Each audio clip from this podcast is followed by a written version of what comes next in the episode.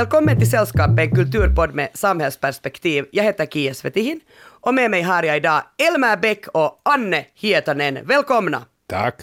Tack, tack. Hur står det till med Elmer Bäck idag? Eh, riktigt bra. Eh, jag tycker nog att det är en riktigt trevlig, trevlig dag idag. Alltså sen är det ju, det är ju det här omikron, omikron hela tiden som, som lite gör att det som skuggar världen, men eh, förutom det så riktigt bra tack. Anne Hietanen, hur står det till med dig? Nåja, kom si kom sa. Jag, jag hade där en, tänkt hemskt mycket på ångest på sitt sistone. Så jag har haft lite ångest. Mm. Just det, och det är det du ska prata om också. Ja, ja, inte ett så lättsamt ämne men jag tänkte nu inte att vi ska gräva oss så djupt som man bara kan utan ta det lite i populärkulturen. Okej, okay, intressant med ångest. Elmer, vad tänker du prata om? Jag ska tala om method acting och vad det är och också vad det inte är. Aj vad bra. Det bästa är det när, när det är någon som på riktigt vet vad den talar om, ska tala om någonting. Inte så här som när jag och Anne sitter och gissar. gissar och har, och ja. Hörni, men vi går från klarhet till klarhet och till ljusare tider. Jag tänker nämligen prata om uh, döden. Nämen. okay. Ska vi själva nämligen få bestämma när och hur vi ska dö? Är min fråga. Jag kommer att prata om aktiv dödshjälp och eutanasi och om assisterat självmord. Jag tänkte liksom när jag började göra research för det här ämnet att det här är ju jättelätt att ha en åsikt i. Att jag har liksom ända sedan alltså jag var ganska ung alltid vetat vad jag tycker om eutanasi. Men jag måste säga att ju mer jag läste på, desto mer osäker blev jag på vad jag själv står i den här frågan. Jag har en arbetstes som ni får vara med och, och antingen välta eller, eller godkänna och det är det att ångest är den nya true crime. Över, överlag så är ångest mycket på tapeten och överallt just nu i populärkultur. Och eh, jag tänkte att vi här nu skulle gå tillbaks eh, till jul, julafton 2015. Då löste jag mitt första mordfall. Det var, det var helt otroligt. Det här var min, min bästa julafton någonsin. Nämligen den 18 december 2015 så släpptes eh, true crime-serien Making a Murderer. Mm. Och mitt liv förändrades totalt. Alltså jag var helt fast i den här. Jag satte på mig min monokel och min hatt och så var jag med och löste det där fallet hela julafton. Och det var det bästa jag varit med om. Och, och sen dess har ingenting varit sig likt. Och jag har sluka allt som har kommit i true crime-vägen. Eh, 2015 kom den här stora, stora boomen. Eh, podcasten Serial hade börjat en ett år tidigare men den blev ju sen bara större och större. Men nu har det då gått ganska många år sedan 2015 och eh, ingenting kan hålla på jättelänge utan att det blir lite lamt. Det här gäller både true crime och äktenskap kanske. Nåja, speciellt true crime. Och, och, och det här märkte jag när jag såg Knutby i blind tro. Den kom ju här på hösten. Och det var ju för sig jättevälgjord. Men det var lite så där ändå pinsam stundvis när journalisterna var i huvudrollen och de började skådespela lite och, och leka att de var detektiver. Och det är ju jag som tittare vill, som vill vara detektiv så jag var väldigt upprörd. Anne, sen, det här Knutby, är det alltså, eh, kan du helt kort bara berätta, vad handlar det om? Det är Kristi brudfallet, det var en församling där det började hända mycket suspekta saker och det, det är länge, länge sedan. Eh, det var, ja, det var en pastor och flera pastorer faktiskt som grooma unga kvinnor och det var en kvinna som, som började kallas för Kristi brud. Och det är nog ett mycket intressant fall faktiskt, Knutby-händelserna. Så, så det, ja, jag, jag, kan, kan, inte mera detaljer om den, men det var, det var i och för sig en helt fin serie. Men sen varning, varning, ett bottennapp. Förra veckan så råkade jag fastna, och jag kunde inte ta mig ut ur den här fällan sen, men jag råkade fastna framför Johanna Möller, Sveriges mest hatade kvinna. Det här Johanna Möller, det var Arboga kvinnan, en, en kvinna som hon också mördade och hade sig. Men den här serien var så urusel att, att jag tror att jag grät när jag såg på den, för den var så dålig.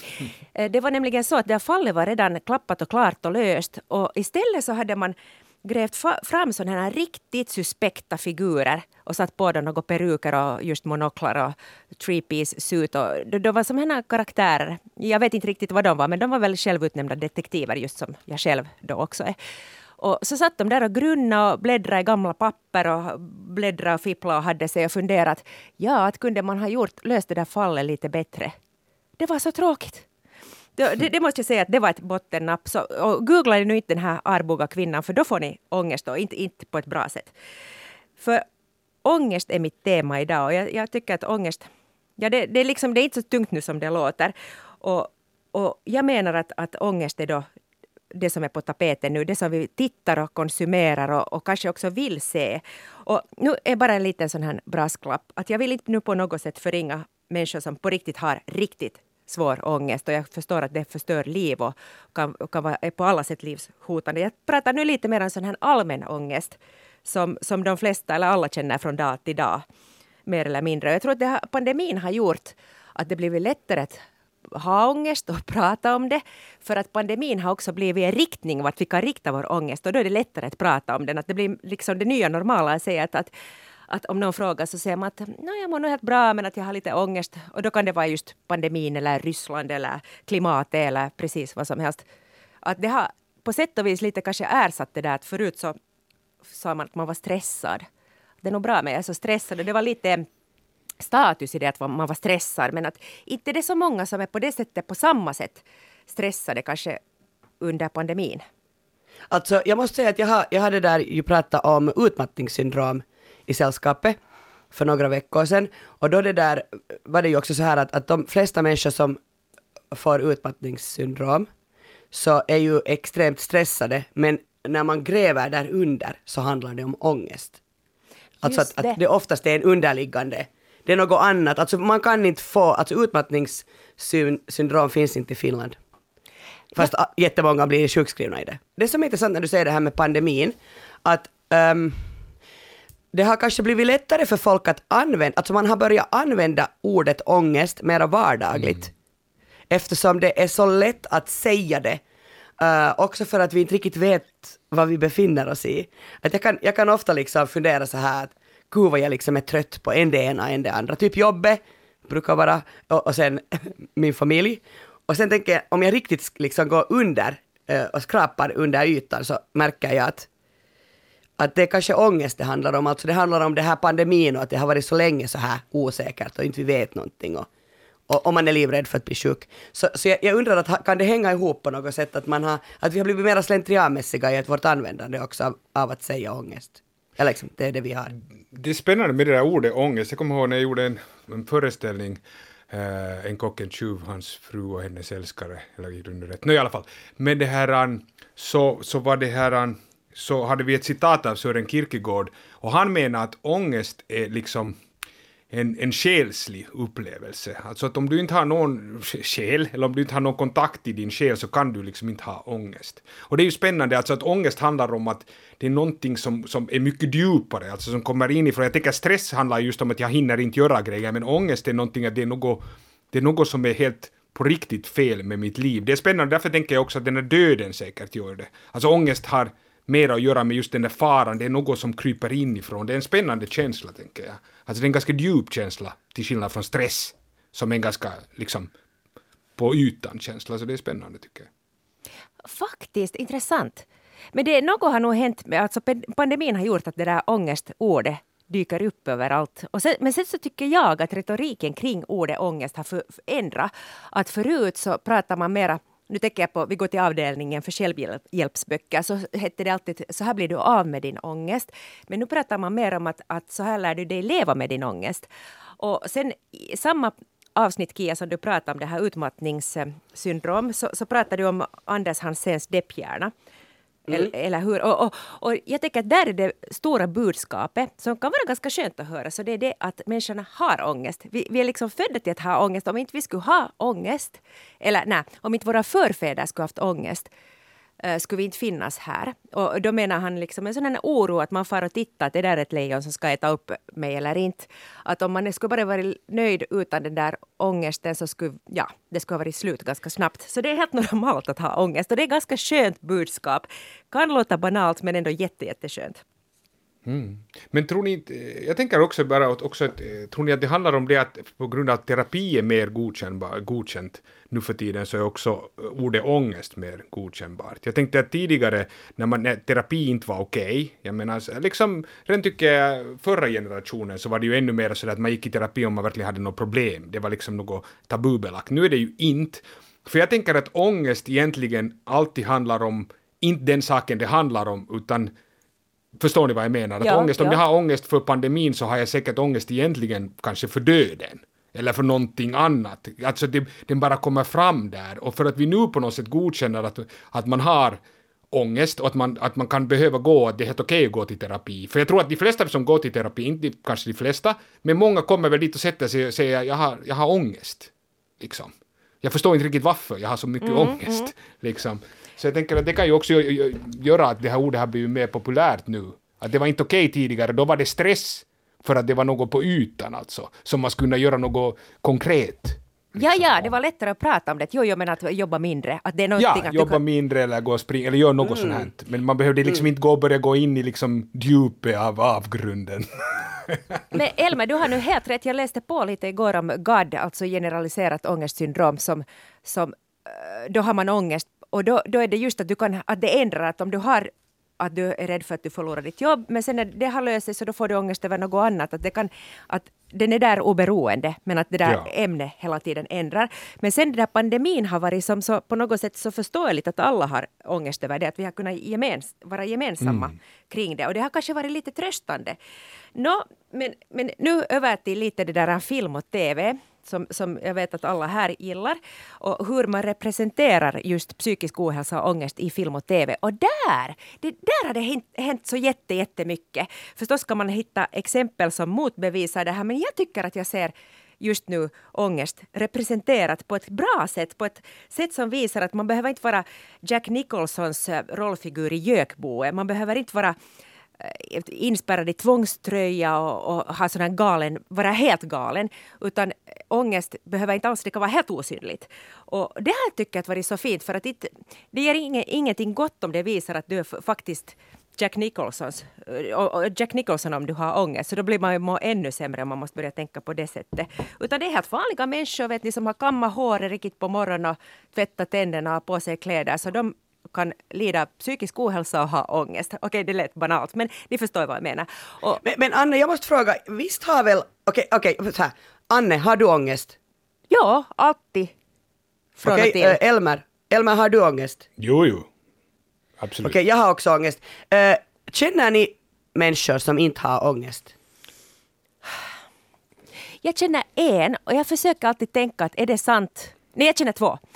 Uh, och jag försöker alltid tänka, och jag försöker alltid fråga, men har du inga ångest ditt innerst inne? Och, det där, och de säger att de inte har. Att nu kan de någon ha sämre dagar, men de har inte den där förmågan. De säger så. För alltså jag känner också en människa som påstår att hon inte har ångest, eh, en av mina barndomsvänner, och, och hon är det där, hon säger alltid till mig så här, äh, sluta nu Kia, vet du, få ut på en länk, tänk på något annat när jag sitter och klagar att jag har ångest. Och, och så säger hon så här, jag har inte ångest, jag låter det inte komma till mig. Men är det sant? Kan man faktiskt leva ett liv utan att ha... Jag, vet inte om, jag tror att hon joxar med mig. Nej, jag tror att det finns folk som är bättre att koppla bort grejer. Det tror jag absolut. Det finns, det finns folk som kan liksom sätta i, i olika mm, fack i, i sin hjärna, det tror jag. Men att, att, det, att det kanske finns där, men, men det är inte något jag tänker på. Jag, jag tror att det finns folk som kan det, och så finns det folk som absolut inte kan göra det. Alltså, och det finns folk som just måste lära sig leva med den för att du kan inte trycka bort det. Men jag tror att det finns folk som helt enkelt kan bara sådär, nej det är ingen idé att tänka på det där. Ja, riktigt så praktiskt lagda typer. Jag tror exakt det. Alltså där måste jag säga att om jag känner, jag, jag är ju skådespelare så att jag menar det är säkert den mest ångestfyllda saken som finns. Alltså så att i min bransch är det väl otroligt mycket tycker jag, liksom som går runt. Det var där jag lärde känna det ordet också i teaterhögskolan. Jag vet inte om något ställe är fullt med så mycket ångest. Där hade folk liksom ångest. Mycket. Liksom. Men, men, men ni är ju också konstnärer, ni är ju liksom artister och jag tänker att det finns väl ingen konst i denna värld som är skapad om den inte kommer från ångest. Det är spännande, det är spännande. Jag tror, ja, jag, jag tror nog på något sätt så använder det är nog, ja, det är nog någonting där. Oh, det är en så, så, så, så, så, så, så stor diskussion hela det. Men ja, ja, jag tror att i någon mån har du rätt, absolut. Jag Speciellt- tänker den där min kompis som säger att hon inte har ångest, eller kanske då Anne, de här två människorna du känner, så, så ja, det är en väldigt praktiskt lagd människa, men när den här människan blir ensam med sina egna tankar och sig själv, är det inte lite, lite, lite, lite, litet korn av ångest ändå med då? Nej, jag började tänka på en sån här teckning, collageteckning av Jan Stenmark. Där det står, det är en bild av glada människor och så står där under att en del är för dumma för att ha ångest. Det är smart. Wow. jag, vet, jag vet inte. Men jo, det där med konst och, och så, så det, nu, nu har ju säkert jag vet inte vilken författare som inte har ångest till exempel. Att i, inom litteraturen så har nog ångesten alltid varit super, super närvarande. Jag tänker från uh, Unge Werthers lidande till mm. exempel i slutet av 1700-talet. Den kommer förresten nu på ST nu på våren sätter man upp den där. Uh, så, så där, och romantiken, alltså det var ju bara ångest och mm. stora känslor. Mm. Men just i tv och film så har det nog varit riktigt, vet du, du kokar kaniner och du är som så extremt psykopatisk och galen och sjuk och allt det klumpas ihop på en och samma. Men nu då, bara helt kort, In Treatment, en remake på den här serien där folk går i terapi. Mycket fin. Har ni sett den? Ja, och jag klarar inte av att se på den för jag fick så mycket ångest av den. jag älskar alltså en treatment uh, med han, vad heter han nu? Den här, den här Byrne.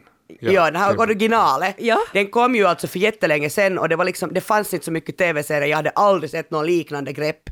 Det är väl en, en, ir, en i, israelisk... Jag eh, tror att förlagan är israelisk, ja. ja. ja.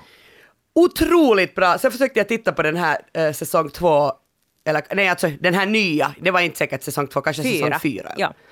Och jag klarar inte av det. Med Uso Aduba. Eh, no, Okej, okay, då tar vi inte den, men Normal People handlar ju också... Ah, så mycket ångest! Ah, så mycket... no, men vad säger ni då om Phoebe Waller-Bridge och Fleabag? Humor? Ja. Humor? Ah, den klarar jag. Ja, ja den är fin. men så det var nog ångest. Ja. Så tänker jag också, finns inte den här Felix Herngren som heter Folk med ångest? Som går på Netflix nu. Bra att du tar upp den. Vet ja, ni vad? Ja. Nu blir jag upprörd. Aj, aj, aj, aj. Det är det sämsta jag har sett i hela mitt liv. Aj, hör ni? Vet ni, jag fick ångest på alla fel sätt när jag såg på den. Den är så dåligt skådespelad. Alltså den är inte, jag vet inte, det är liksom, den är inte skådespelad utan folk säger bara fåniga meningar och har också just en fånig peruk som har kostat två uh, kronor. Och, och, det där, jag kan inte förstå det. Felix Herngren har jag vet inte vad det har hänt med honom. För att han har regisserat och det är ju Fredrik Backmans eh, roman No, jag gillar inte den heller så mycket men, men alltså oj oj oj oj. Okej, okej titta lite. Elmer du måste titta på det. det kan jag har faktiskt sett, jag har sett första avsnittet men sen tittade jag faktiskt inte heller mer. Jag var, jag var inte sådär upprörd men inte var jag heller, jag, jag fastnade inte heller. Jag, jag, jag var liksom ganska jag, kall till det. Jag kände ingenting egentligen så jag tänkte så här, ja okej. Okay. Är det alltså liksom, fiktivt? Det får vara. Ja, ja, det är fiktivt. Ja, det... Alltså det, ja. Men det där tänkte jag bara på ångest, att eh, då tidigare, om man tänker Solsidan, det var väl en ganska sån där med liksom eh, lite, lite ångest. Jag menar, hela Solsidan handlar just om den där lilla ångesten som hela tiden är där. Handlar det inte, tycker jag. Liksom, speciellt då det är Felix Herngrens egen roll. Jo, jo, jo, Han har ju hela tiden ångest, liksom. men, men hemskt liksom soft. Men det är väl det som sätt. gör det, alltså det, jag tycker att nästan ingen humor är rolig om inte det har det där svarta bottnet. Mm. Men på tal om det, nu har jag sparat det bästa till sist. Eh, Svartbotten, det roligaste just nu Oj vad jag tar superlativer alltid. Ni kan liksom lite skala av 10 procent från det vad jag säger. Men på arenan nu finns det en serie som heter This Way Up. Det är två irländska komiker som har skrivit den här serien. This Way Up. Och den handlar om en kvinna som lider av psykisk ohälsa hon är på någon institution där i början och sen lider hon av ensamhet. Och det här är inte sådana små förbigående teman utan det här är huvudtema. Och den är så rolig den här serien. This way up. Är det här nu då, men alltså är det feel good eller är det Nej. Feel det här är feel, feel bad, men som är bra. Alltså, nej men det är nog feel good, alltså det är konstigt. För att det är, du blir på gott humör av den. Ja, det är nog feel good fast det handlar om jättetunga saker. På tal om feelgood, visste ni att i något skede så, jag vet inte om det slog igenom, men jag hörde att, att, att man tänkte att det skulle komma något sånt som sadcom, som var liksom romcom, men det är sorgligt. att det var liksom det var folk skulle vilja ha nu. Att det är liksom inte mer, eh, det är liksom sadcom, alltid lite liksom så här sorgligt hela tiden och lite jobbigt. Att det är det som är liksom populärt. Men jag tror att den tiden kanske redan gick, det här var för något år sedan jag hörde om sadcom. Tror inte att det slog igenom. Oh, men, men, men nu just så kolla det där att eh, visst är ångest, att det kommer emot hela tiden i flödet. Det görs reklam. Det finns alla appar handlar om hur du blir, nej inte nu alla, men många handlar om hur du blir, kan leva med din ångest. Och det är överallt. Och sen har vi också influencers som, uh, det senaste exemplet är kanske Blondinbella där kan man nästan kanske prata om sån här ångestwashing, att, att hon har gjort bort sig, men så berättar hon att nej men nu har jag fått elchocker och är bipolär och, och det där och, och hon har berätt, erkänt också att hon har skrivit den här boken om det här, sin psykiska ohälsa, för att få pengar och, och göra comeback. Men samtidigt så tänker jag att eh, budskapet är ändå liksom att det är bra att man pratar om det. Så, så fast, fast det nu liksom sker för att hon vill ha pengar så so, so be it. Men tror ni inte liksom på något sätt att det är just det som händer, att vi har ångest för att världen håller på att förstörs och liksom på grund av klimatkrisen och kapitalism och så här, och nu ska de sälja åt oss terapi, liksom att vi ska bara vara okej okay med den här ångesten, men alltså kanske vi har ångest av en ganska bra orsak, kanske allt är ganska åt helvete. Liksom, och det är egentligen det vi känner. Liksom. Och nu ska det vara sådär, jo men det är okej okay att ha lite ångest och ni kan betala lite mer för terapi och då blir allt okej. Okay men eh, jag menar, kanske vi har ångest av orsak. Kanske vi bara har ångest. Jag tänker att, att uh, det är så intressant när du säger Anne att, att, liksom att, att om det då var true crime tv-serierna handlade om för några år sedan, att nu är det då ångest. Uh, men nu vet jag inte att hur mycket liksom är, är, min egen, alltså jag har, nu, jag har inte så här djup ångest, jag har nu mest den här vardagsångest, alltså för helt, helt vanliga saker. Ska vi klara oss utan att bli sjuka ännu den här veckan? Vet du sånt här, eller nu borde jag gå och handla men jag vill inte gå ut, ångest. Men, men um, då tycker jag liksom att alla serier jag ser just nu, som inte är utpekad eh, komedi eller, eller just någon romcom, eller så här, så är faktiskt jätteångestfylld. Att jag kan inte nästan titta på något utan att, att jag liksom blir helt såhär bara, oh god, jag kan inte se. Alltså Dope Sick, en serie som jag har pratat om i sällskapet, som jag vet att, att du Anne har sett. Ja. Uh, den är otroligt bra. Den handlar alltså om Sackler och Oxycontin och hela opioidkrisen i USA. Mm. Och den är så ångestfylld. Den är så ångestfylld den där. Men det är ju det att hela, hela setupen för serien är ju fruktansvärt ångestfylld. Och nu Elmer, det är ju det det gör, det handlar ju om verkligheten. Och det är väl det som gör att det är så jävla ångestfyllt. Alltså för mm. mig blir det på något sätt så som att alla de här serierna som kommer just nu är jätteverklighetsbaserade och jättenära verkliga livet, eller just handlar om någon sån här eh, Oxycontin.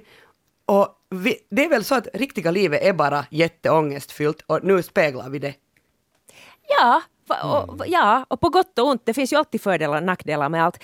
Men mm. då kan man alltid ta en paus, för, för det blir ju lite tungt. Alltså, man kan titta på tecknade serier, sådana barnserier. Och sen igår så det hände det en grej, jag tittade på Golden Girls, Pantertanter. Och, och det, där, det, var, det, var, det var inte ångest. Förutom i det avsnittet så kom Blanche i klimakteriet och då fick hon ångest. Och så, men så hon ville inte få till psykolog för hon, sa, hon var rädd att psykologen skulle tro att hon har psykiska problem. Anne, berätta lite mer om Pantertanten. han, han, äh, Golden Girls, den kom 1985, en tv-serie med tre kvinnor i medelåldern och en äldre dam och de sitter och skämtar. Och, och helt, ja, den har inte åldrats så väl kanske, men där är just en sån här Blanche eh, självutnämnd slampa som är lite kul faktiskt. Och, och en rolig grej är att nu när Sex and the City har gjorts på nytt så de är ju 55 där i Sex and the City. Vet ni, de här pantertanter som jag trodde var 80 eller 90 år. Så de är 55 på riktigt när den här serien då börjar sändas 85, år 85. Det var så här, mm. just det, man, man dog tidigare för No, nej, men alltså, är det så att, är Betty White med i den här Pantertanten? Jo, det var, så, det var därför jag började titta på det, för att hon, hon gick ur tiden här nyligen och då ville jag lite hylla henne och titta på henne. Och den här Pantertanten är alltså en ko komediserie.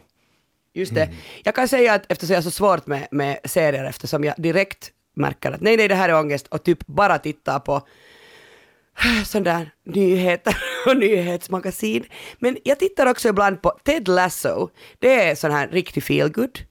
Uh, och sen Bridgerton, nu för att jag tänker helt oombett ge några tips. Och sen förstås eh, serier som aldrig går ur tiden i mitt liv är Family Guy. Och de kan man se om och om igen och där är ingen ångest. Amen. Jag skulle vilja tala om, om, om, om method acting. Jag tänkte tidigare tala vi har också om, om verklighet och vad är verklighet och nära verkligheten. Så jag skulle vilja tala om method acting som säkert alla har, eller de flesta har hört om, men kanske inte alla vet vad det egentligen går ut på. Och det här, nu är det på tapeten igen, alltså det har varit tal om dem, Benedict Cumberbatch i den här The Power of the Dog.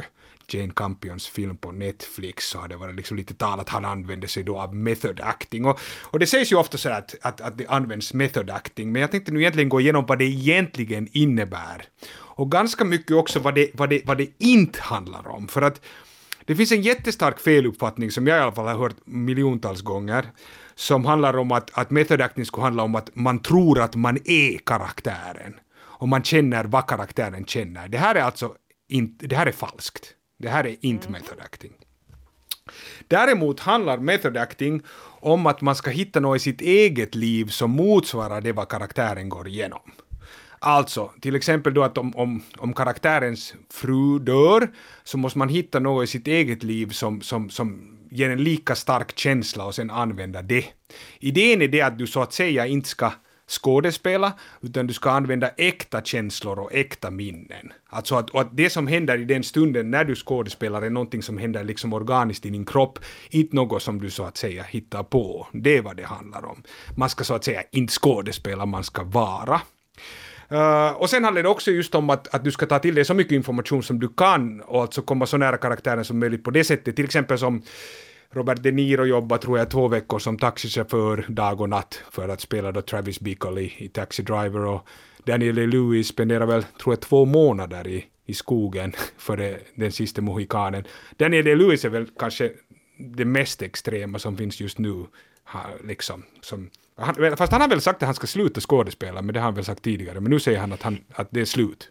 Var, var, var har då method acting sitt ursprung? No, det har sitt ursprung i, i The Actors Studio som grundades då 1947 på Manhattan i New York och det grundades av Elia Kazan, Cheryl Crawford och Robert Lewis. Men de pedagoger som är mest kända, eller de som är, som, som är mest kända som är kopplade till den är, är Lee Strasberg, Stella Adler och Sanford Meisner.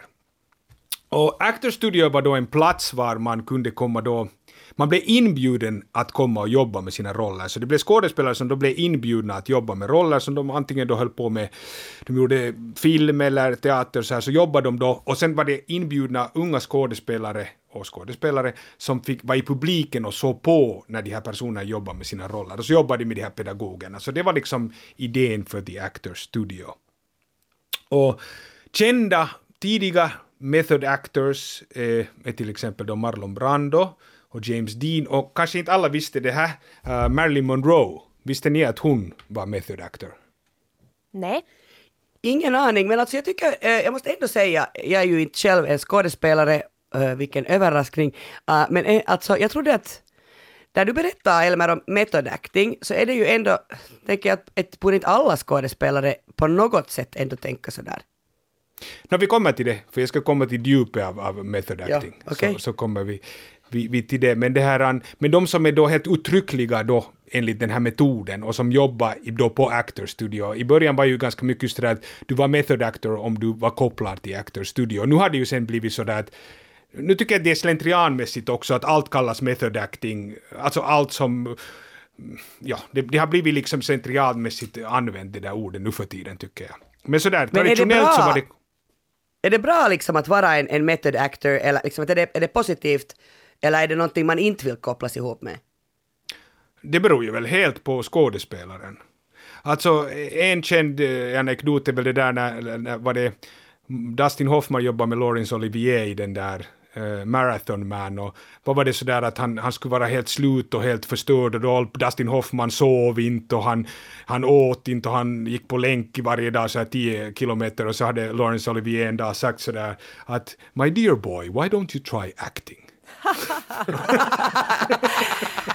Oj, oj, hörni, hörni, och sen Jouko Turkka är kanske inte ett namn som man skulle nu hänga så högt i julgranen. Men han lär väl ha sysslat också med method acting en hel del? No, det är inte method acting, men det här kommer också, allt, allt, allt har sitt ursprung i samma, samma källa så att säga. Men direkt method acting är något som, som handlar om USA och just mest liksom Lee Strasberg, Stella Adler och Sanford Meisner. Men jag, men jag kommer vidare var, var, var det har sitt ursprung, så då, kommer vi, då kan vi komma till Jouko Turka. Men i alla fall, så att då, tidigare kända skådespelare var då Marlon Brando, James, Bean, James Dean och då Marilyn Monroe. Och, och vid samma tider så var också Freud jättepopulär. Så att så de, de här skådespelarna uppmanades också att gå i psykoanalys. Och, och, det är någonting som, som, som jag har hört teorier om att, att när, det, när det handlar om Marilyn Monroe så att, att det liksom så att säga kanske knäckte henne. Alltså hon hade ju en hemskt trasig liksom, uppväxt och, och, och, och, jag har läst just att, som vi talade om tidigare, alltså att jag har läst att, att hon skulle kunna vara en sån person som kunde stänga av helt enkelt, alltså kunde hon tog inte de där jobbiga grejerna fram, utan hon kunde leva och inte tänka på det. Så har jag nu läst. Och att den här, när de börjar sen liksom när hon skulle sen vältra sig i den där, all den där hemskheten och ångesten och den där sex dagar i veckan så var det det liksom som, som till slut tryckte henne över gränsen. Finns det teorier om. Och också i slutet av Marilyn Monroes karriär så hade hon med sig en, en, en sån här acting coach hela tiden på sätt när hon jobbade, en kvinna vid namn Paula Strasberg som, som dessutom var Lee Strasbergs fru. Och, och regissörerna var hemskt sura på henne på slutet, för hon lyssnade inte alltså alls på regissörerna utan hon lyssnade bara på sin acting coach som hela tiden viskade i hennes öra. Men, men det, är en, det är en spännande sak med henne att hon var, hon var jätte, jätte och, och, och var jätteinne i de här method acting och sådär, men så fick hon ju tyvärr inte jobba med sådana roller som hon skulle kunna använt det, vad hon skulle vilja jobba med, så att det, det, det är en tragisk grej. Men ja, men nu ska jag komma till var då method acting har sin, sitt ursprung, liksom, det hade ju ursprung i Actors Studio, men varifrån det sen kommer från början. Och då måste vi bege oss till Ryssland och sent 1800-tal och till en skådespelare och regissör vid namn Konstantin Stanislavski. Och det ska, säga att, när, det ska sägas när det kommer till liksom skådespelarteknik och skådespelarmetod så så är Konstantin Stanislavski utan tvekan den absolut viktigaste personen i världshistorien. Att liksom egentligen all senare teknik och liksom bygger på hans teser eller i alla fall i dialog med dem. Och därför kan vi ta upp det just som du sa med Jouko Turka. Ja, det har koppling till det. Method acting har också koppling till det. Men alltså egentligen så går allt tillbaka till Stanislavski, inte till method acting. Och det här, Stanislavski jobbar då på på Konstnärliga teatern i Moskva som skådespelare och regissör. Och, och under den här tiden, så, så i slutet av 1800-talet, så var eh, skådespelande hemskt här deklarerande och hemskt, hemskt liksom manerfyllt. Och det här tyckte Stanislavski var fruktansvärt och han ville komma närmare något som skulle vara mera då organiskt, mera naturalistiskt, eh, mera kanske någonting som vi idag skulle kalla trovärdigt. Jag, jag tycker att det ordet är lite jobbigt för det är ganska förenklande, men vad vi skulle kunna kalla då trovärdigt. Och så han började jobba med skådespelare i vad som senare skulle kallas hans laboratorium. Och det här jobbade han då med egentligen fram till sin död då 1938, så en hemskt lång period så jobbade han då och, och utvecklade sina tekniker och teser och så här. Och, och, och han menar då så här att, att det finns geniala skådespelare och de behöver ingen teknik.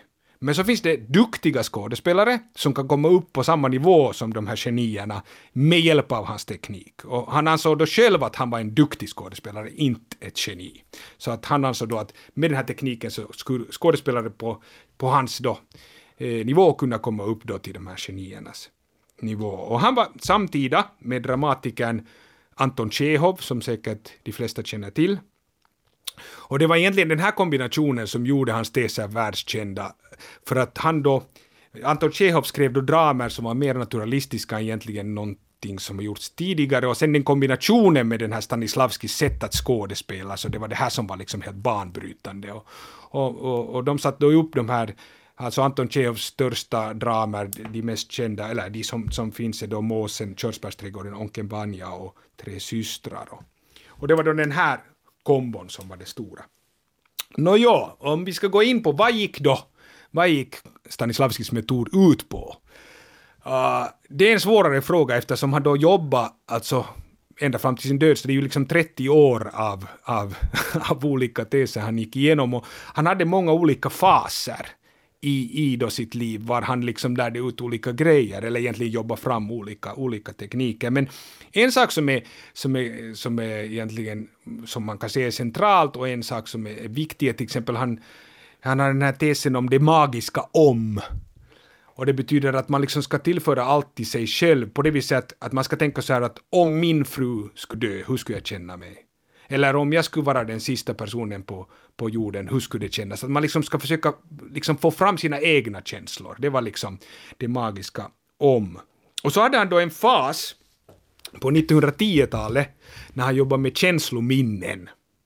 Och det betydde då att man skulle framkalla liksom känslor, man skulle gå in i sina trauman och framkalla känslor från de här och liksom riktigt liksom få dem ut i kroppen så att man skulle kunna använda det senare. Så man jobbar liksom med, med, med äkta känslor och verkligen skulle liksom kristallisera de där känslorna och liksom in, in i så att säga sina egna trauman. Och under den här tiden så jobbar två skådespelare vid namn Richard Boleslavski och Maria Uspenskaja med honom. Och de emigrerade senare till USA och tog med sig då den här läraren och deras elever i sin tur var då Lee Strasberg, Stella Adler och Sanford Meissner.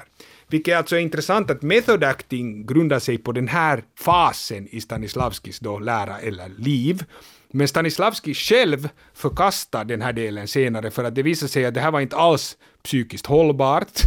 Nej, alltså, nej det kan jag tänka mig alltså. så de fick massa psykiska problem, alltså just hans skådespelare, då studerande som, som, som spenderar liksom så många dag och natt där i, sina, i sin ångest. Det här var liksom inte, inte, inte jättebra. Men det är jättespännande då att Stanislavski sa senare att det här är inte något bra. Men method acting baserar sig på exakt det här. Senare har det sen varit liksom Senare, senare har de sen grälat sinsemellan, liksom Strasberg och Adler, just om det här att vad är det riktiga Stanislavski och det här ska vi inte lära ut. Men, men method acting från början grundar sig alltså på den här delen av Stanislavskis arbete. Men, men Elmer, ja. är det ja. inte så att uh eller minns jag fel nu, men, men under metoo så blev det någon sån där grej om Louhimies och att det skulle ha handlat om att, alltså inte, alltså att han skulle ha liksom utnyttjat sko, sina skådespelare genom att tvinga dem till typ någon form av method acting.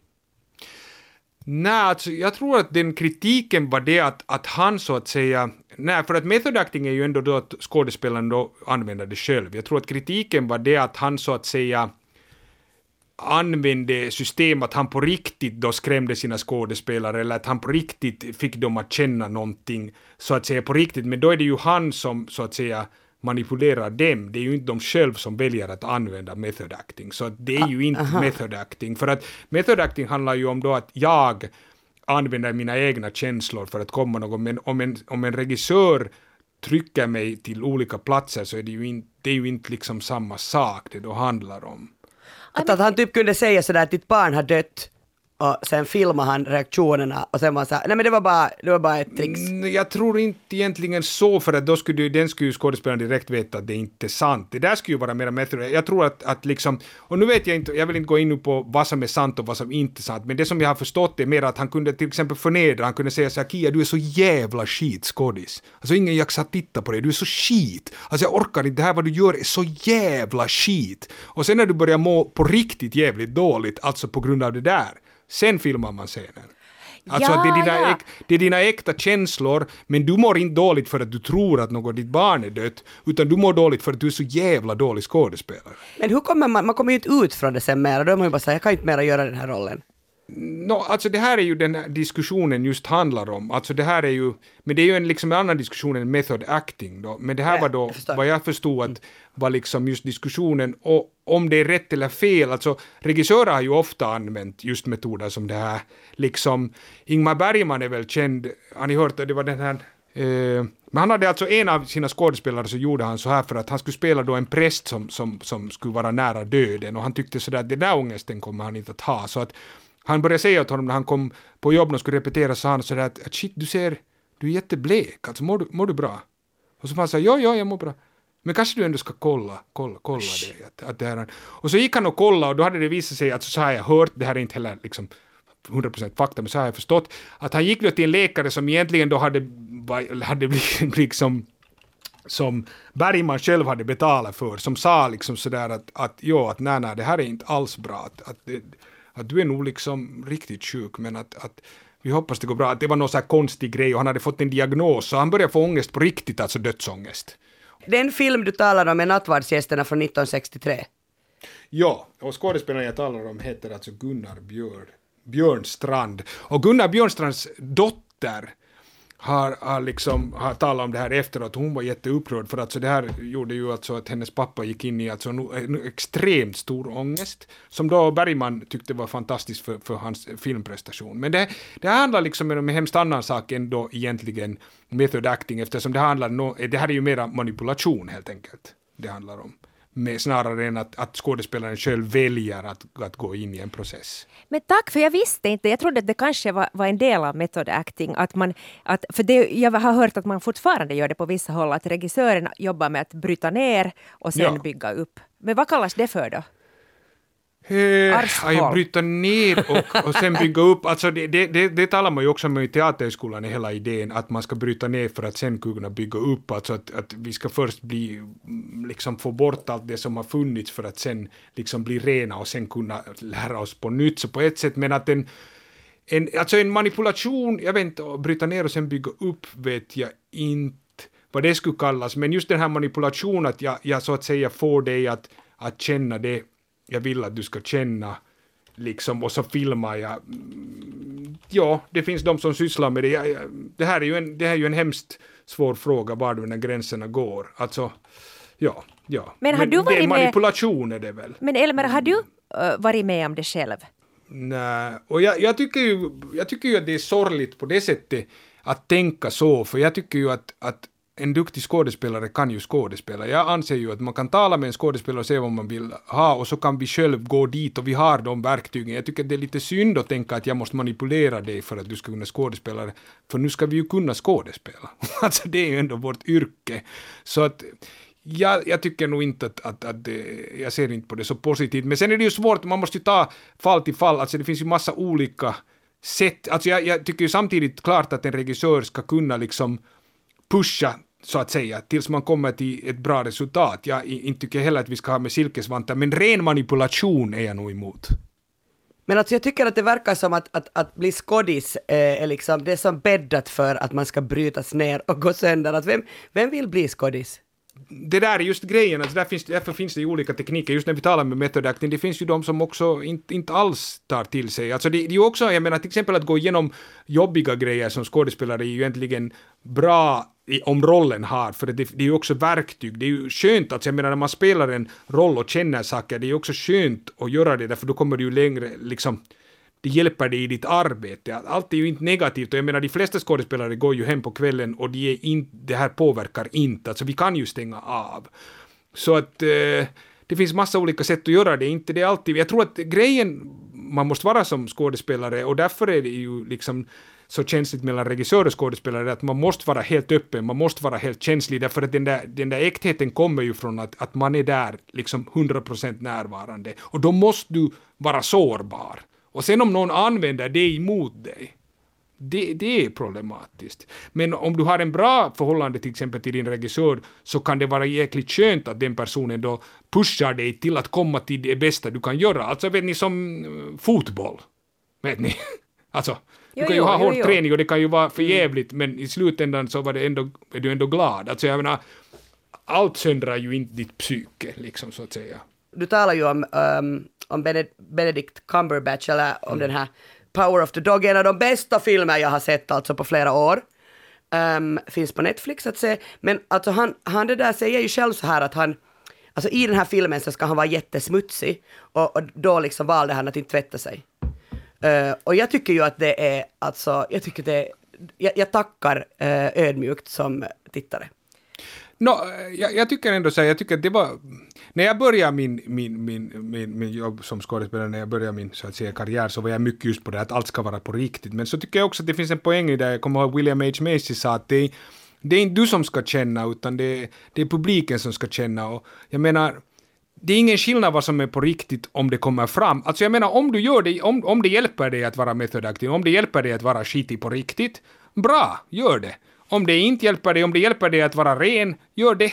Det är ingen skillnad, alltså jag tycker ändå till slut så är det ingen skillnad, alltså om jag ligger där och jag på riktigt mår så dåligt att jag bara vill hänga mig själv, om du i publiken inte känner någonting, då är det inte bra. Det är ingen skillnad vad jag känner. Och till slut så tycker jag att använd det som fungerar.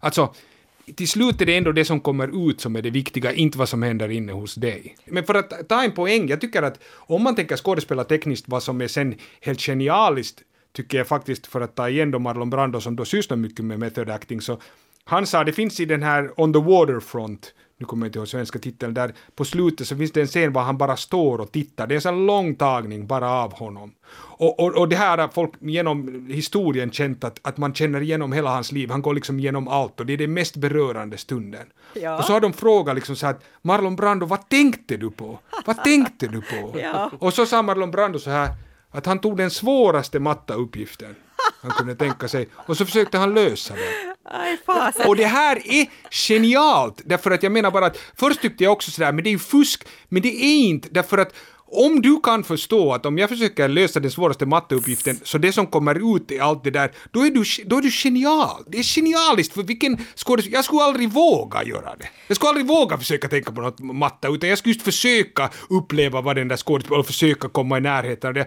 Men att kunna göra det, alltså då är du, då är du genial. Och sen fattar man ju det att, att och det här är ju en sak som skådespelare man, man också fattar att du kan inte se vad jag tänker, men du kan se att jag tänker. Men Alltså- Elmer, nu har du förstört den här scenen för, för oss alla för resten av livet. Ja! det här är, nej, det här är liksom next level. Alltså jag tycker att, först tyckte jag också att det är fusk, men sen har jag börjat tänka så här, wow. Och då, alltså egentligen är det där ju det att, att då är det ju en genial om du förstår att du kan se dig själv på det viset objektivt, vad du behöver. Jag menar det att en bra skådespelare vet vad en skådespelare behöver för varje scen, då vet du att här måste jag gå in i mina egna, egna ångester så djupt jag kan. Här så måste jag lösa den svåraste matteuppgiften. Här, då är du, då är du genial. Då är du genial. Om du bara vältrar dig i ditt eget skit och det som kommer ut är bara sådär jobbigt skrik, så som man börjar, alltså jag menar, de flesta så hade jag också, före man kommer in på teaterskolan, då är man som skådespelare, man älskar den här känslan. Men alltså, så för att använda ett ord som då används ofta där, det blir ofta lite skitnödigt, för du är så jäkla spänd i kroppen. För du är så, så, så, och det känns jättebra, det ser jättetråkigt ut, plus att man som publik också blir så matt och tittar på någon som spänner kroppen. Alltså, det funkar inte. Liksom, du måste våga andas i den här stunden. Den moderna människan, särskilt i den sekulariserade västvärlden som vi bor i, så föreställer sig ju ganska gärna att det är en rättighet att dö med värdighet. Eh, Utan lidande och helt efter egna villkor. Alltså, vi har rätt att bestämma över vår egen kropp till det sista andetaget.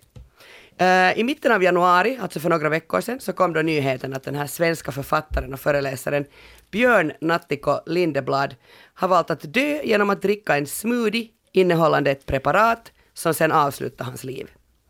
Om du läser det här så har jag gått ur tiden, så skrev då Björn Nattiko Lindeblad i ett sådant avskedsbrev som sen publiceras, publicerades på sociala medier eh, då i samband med att han hade gått bort.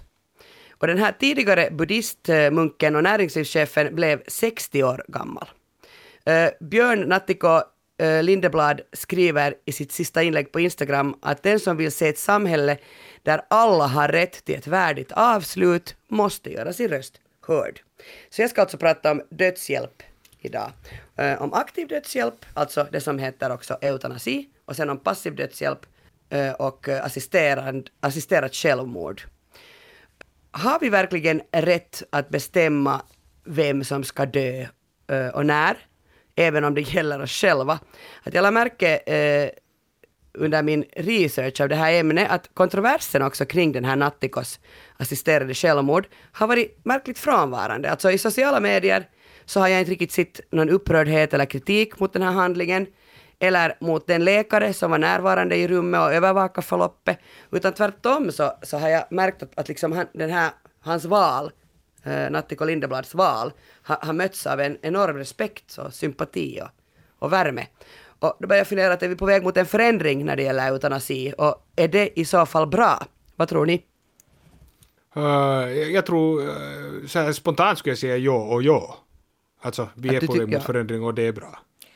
Ja. Jag tror också att de här uteblivna reaktionerna, det har ju kommit men inte så starkt, så kanske har att göra med det också att han var väldigt älskad av väldigt många. Mm. Eh, vad har ni för eh, åsikt om eh, dödshjälp?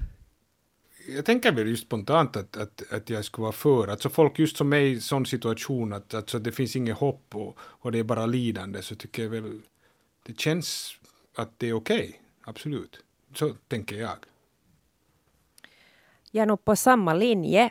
Jag förstår nog också folk som är, eh, har en annan tro och tänker att allt eh, liv eh, är heligt och att du får inte leka Gud. Jag kan förstå att, att sådana människor är väldigt upprörda, det förstår jag till 100 procent. Men så tänker jag att, att, det, att var och en borde själv få besluta det, att ingen vet hur det, hur det känns och hur, det, hur starkt lidande kan vara. Och, och det där, ja, att det är inte min sak att säga var, egentligen varken bu eller bä, utan det skulle få vara upp till individen i det här fallet, skulle jag säga. Jag, kommer, jag tänkte bara snabbt, jag kom på den där filmen, den där Gråta utan leende, kommer ni ihåg den där Mara Dentro som handlar om det där? Med Javier Bardem. Fantastiskt bra film. Fruktansvärd. Åh, oh, vad bra! Uh, Mar Adentro. Mar Adentro, ja. ja. Uh, gråta, gråta utan leende, tyck, eller gråta med gråta utan leende väl det vad man alltid gör. Just det nu. är konstigt. Men det här är något sånt, men alltså fantastiskt, det är en av de enda filmer tycker jag som jag har stört gråt i biografen, det brukar inte hända att mig. Jag kunde till slut kunde inte titta på, alltså jag kunde inte titta på bioduken för jag började gråta så mycket. Alltså, han är så fantastisk den också, men det handlar också om att han är förlamad från halsen neråt och han vill dö. Alltså han vill bara dö. Och de försöker säga till honom att han inte ska, han kan ju inte ta livet av sig. Det handlar om det här. Det, det Ah, jo, film. jag har sett den! Stark Ja. film, verkligen. Ja, kanske 10-15 år sedan kom den ut.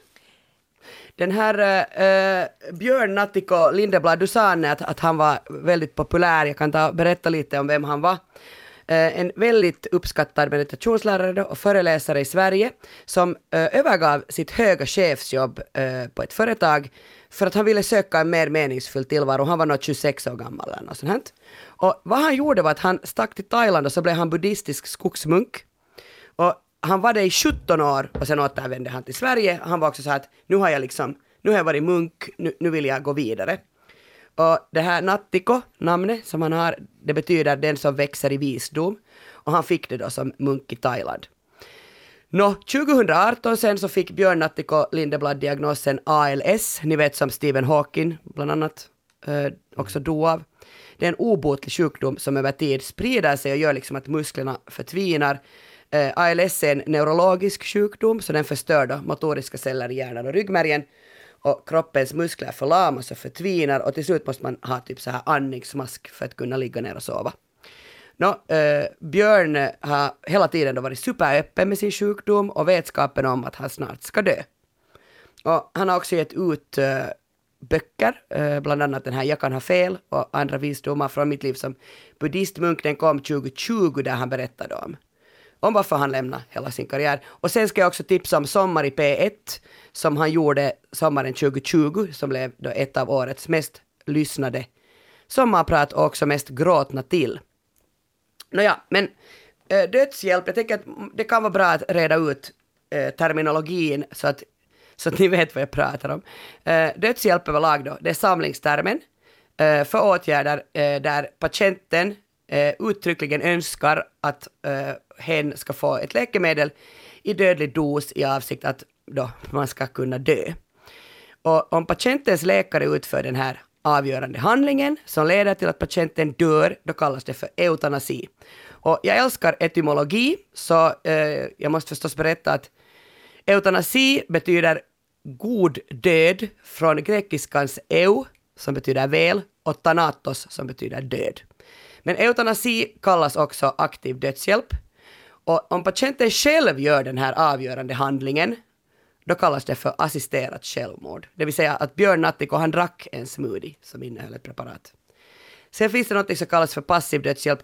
Det är ett lite missvisande uttryck, men det är alltså när man försöker beskriva situationen då eh, livsuppehållande behandling avbryts. Alltså eh, kanske någon som, jag vet inte, en grönsak eller ligger i koma så ta, liksom slutar man ge sån här livsuppehållande behandling och, och när man avbryter den så avlider personen. Men det som är den här missvisande här är att, att då avlider ju alltså personen inte av själva behandlingen utan av sin grundsjukdom.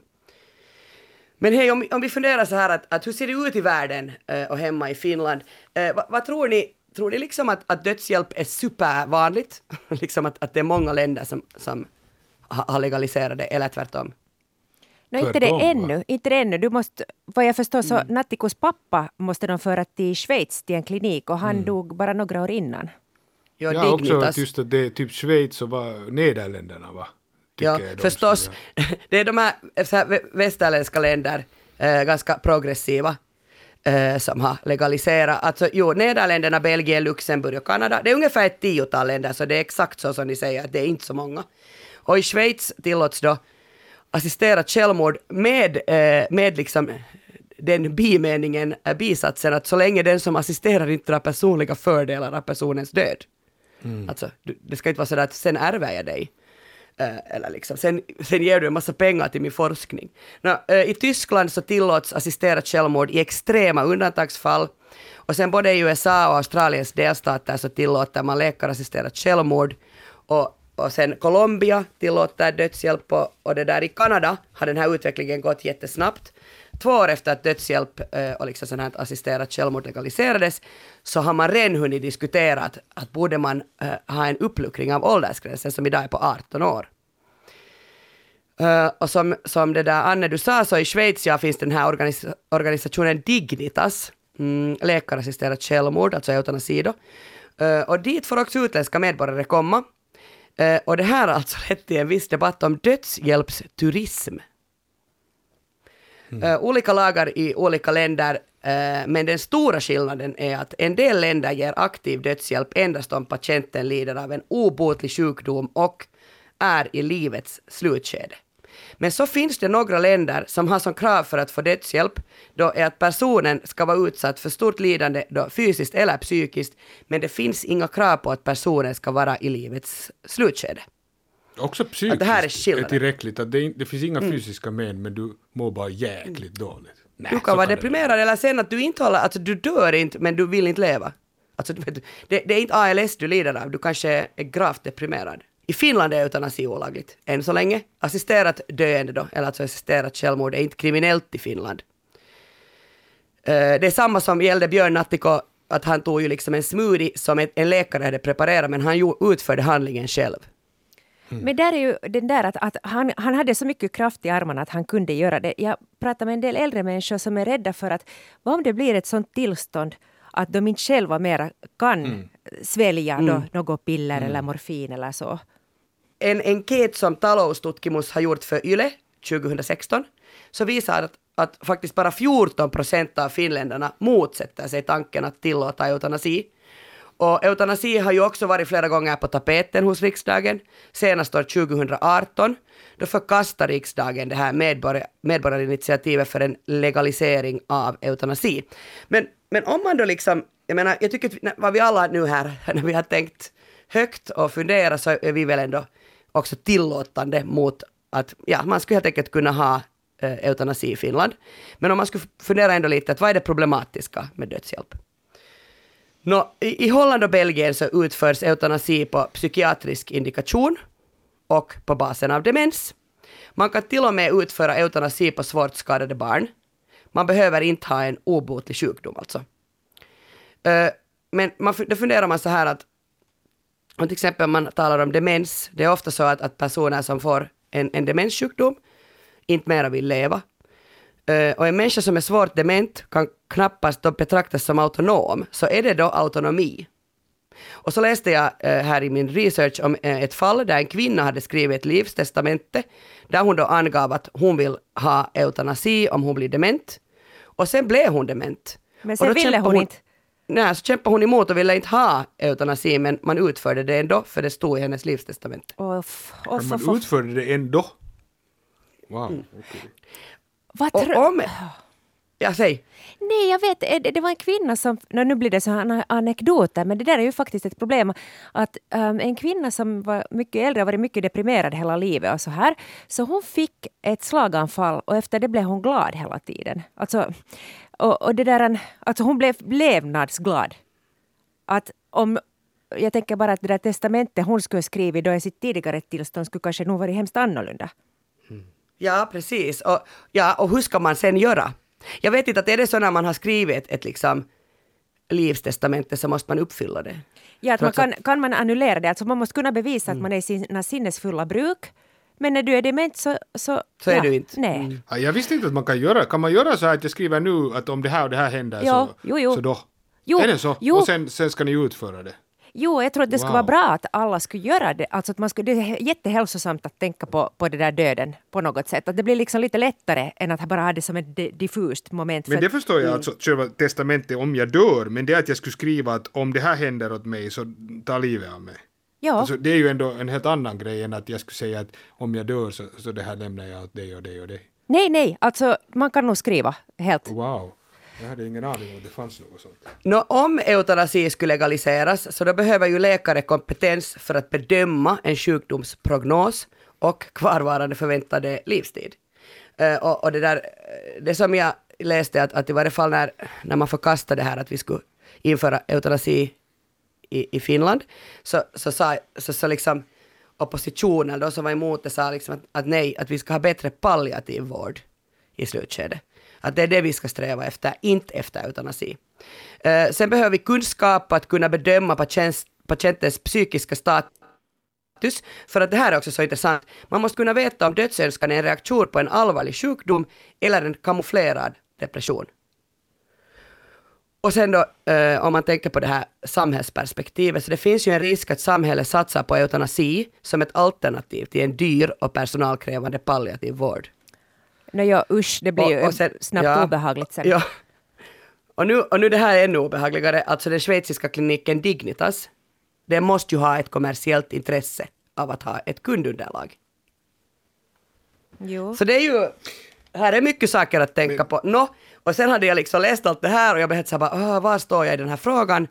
Eh, och så kom jag ihåg, den otroligt folkkära skådespelaren och komikern Robin Williams hängde sig i sitt sovrum i augusti 2014, kommer ni ihåg? Ja. Ja. Det var ju jätte, jätte liksom eh, sorgligt och, och det där om han gick ut och sa att, att, att han hade ju, han var ju jättedeprimerad, att han tog livet av sig för att han var så deprimerad. Ett år senare så ställde sig hans fru, änka, Susan Williams inför en kongress med tusen amerikanska neurologer och avslöjade den verkliga orsaken bakom makens självmord. Det var inte depression, utan när man hade gjort en ab- obduktion så framkom det att Robin Williams hade en långt gången och relativt okänd demenssjukdom, eh, Lewy Body Demens, alltså LBD. Och det är en av fyra demenssjukdomar där Alzheimers är den absolut vanligaste. Och man hade alltså inte vetat om att han hade haft, att, att han led av den här sjukdomen. Och symptomen kom rätt tidigt, att han hade smärtor i magen, han hade svårt att sova, han var rädd, han eh, hade svårighet med avståndsbedömning. Jag läste bland annat att, att, att Robin Williams skulle gå in i en vägg liksom, för att han, inte, han såg liksom inte. Alltså det, det, det gick in i hans synfält, det påverkade till och med det. Han blev paranoid, han fick hallucinationer och, och det här, den här eh, sjukdomen påverkar också tänkande, känsla och beteende. Och Robin Williams fick så här lätta skakningar och då tänkte, misstänkte läkarna att det är Parkinson. Och han medicinerades då för Parkinson. Och efterhand har man kunnat konstatera att den här feldiagnosen kan ha bidragit till att Robin Williams blev så dålig. Och det är då jag funderar så här att, att kanske det skulle ha varit på sin plats med eutanasi eller assisterat självmord här, att han inte skulle ha behövt hänga sig. För han begick ju självmord på grund av att han inte kunde leva med den här sjukdomen. Det, Nå, ja. The Daily, ni vet, eh, New York Times dagliga nyhetspodd, min alltså absoluta favorit, ett till tips. Eh, den här veckan så kom de med ett avsnitt som handlar om den paraolympiska guldmedaljören i rullstolsracing, Marieke Vervoort från Belgien. Eh, hon led av en så här nedbrytande muskelsjukdom och skrev papp på papper för aktiv dödshjälp redan 2008, alltså hon var från Belgien, så, så det, liksom, här behövde hon inte fundera att är det legalt eller illegalt. Det är alltså legalt. Och hon har berättat också under Paralympics 2016 att eh, hon har skrivit på då, eutanasipapperna och att hon kommer att eh, dö inom några år. Eller själv ta sitt liv då. Eh, den sjukdom hon hade gjorde att hon hela tiden blev sämre och innebar bland annat att hon kände liksom kronisk smärta, var förlamad i benen, kunde inte sova överhuvudtaget. Typ så här 10 minuter per natt. Eh, och 2019 så avslutade den här paralympiska guldmedaljören sitt liv och det är det den här podden handlar om. Jag kan faktiskt re- rekommendera den, sätta förstås med den i referenserna. Och det där, nu sa du ju Mara Dentro eh, med Javier Bardem, var det så? Elmer? Ja. Ja. Och sen, jag ska säga att det finns också en film som heter Me before you eh, på Netflix. Den är från 2016, eh, baserar sig på Jojo Moyes bästsäljande bok med samma namn, Livet efter dig. Har du Anne läst den? ja. Det är en gråtbok. Och- Feel good. Ja. Och filmen. Feelgood, gråtbok. Och sen filmen Euphoria, inte alltså den här serien nu som alla tittar på, utan en film av svenska Lisa Langset från 2017 handlar också om om det där aktiv dödshjälp. Eh, och sen på arenan ligger det nu just en serie som heter Med rätt att dö. Den hade premiär 2020 men den är fortfarande där. Den, den handlar alltså om finländare som helt enkelt har någon sjukdom som gör att de inte mera kan, eller de, de vill inte leva mer. Mm. Mm. Uh, sen ramlar jag över en till text från The New Yorker som handlar om en belgisk familj, eller mest om en mamma som hela sitt liv lidit av fruktansvärd depression. Hon har barn och de kommer sådär okej okay, överens, de flyttar hemifrån, de får barn och hon har ganska sporadisk kontakt med dem. Men hon har också ett krångligt och väldigt mörkt och superjobbigt förhållande till dem. Så hon bryter kontakten med sina barn och, och då förstås i förlängningen barnbarnen. Hennes psykiater har medgett att, att, att, jo, att du är nu helt obotligt sjuk i djup depression, att det enda jag kan göra är att hjälpa att lyssna på dig och sen kan jag skriva ut mer antidepressiv medicin. Nå, den här kvinnan byter läkare och så blir hon patient hos landets mest kända förespråkare för eutanasi, Wim Distelmans. Och han är också ordförande i landets federala eutanasikommission.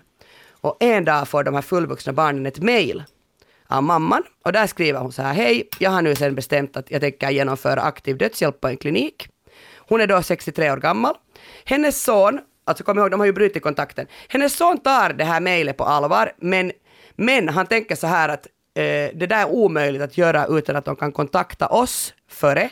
Att liksom hon vill säkert bara illa, att hon vill liksom bara skapa någon sån form av oro hos mig.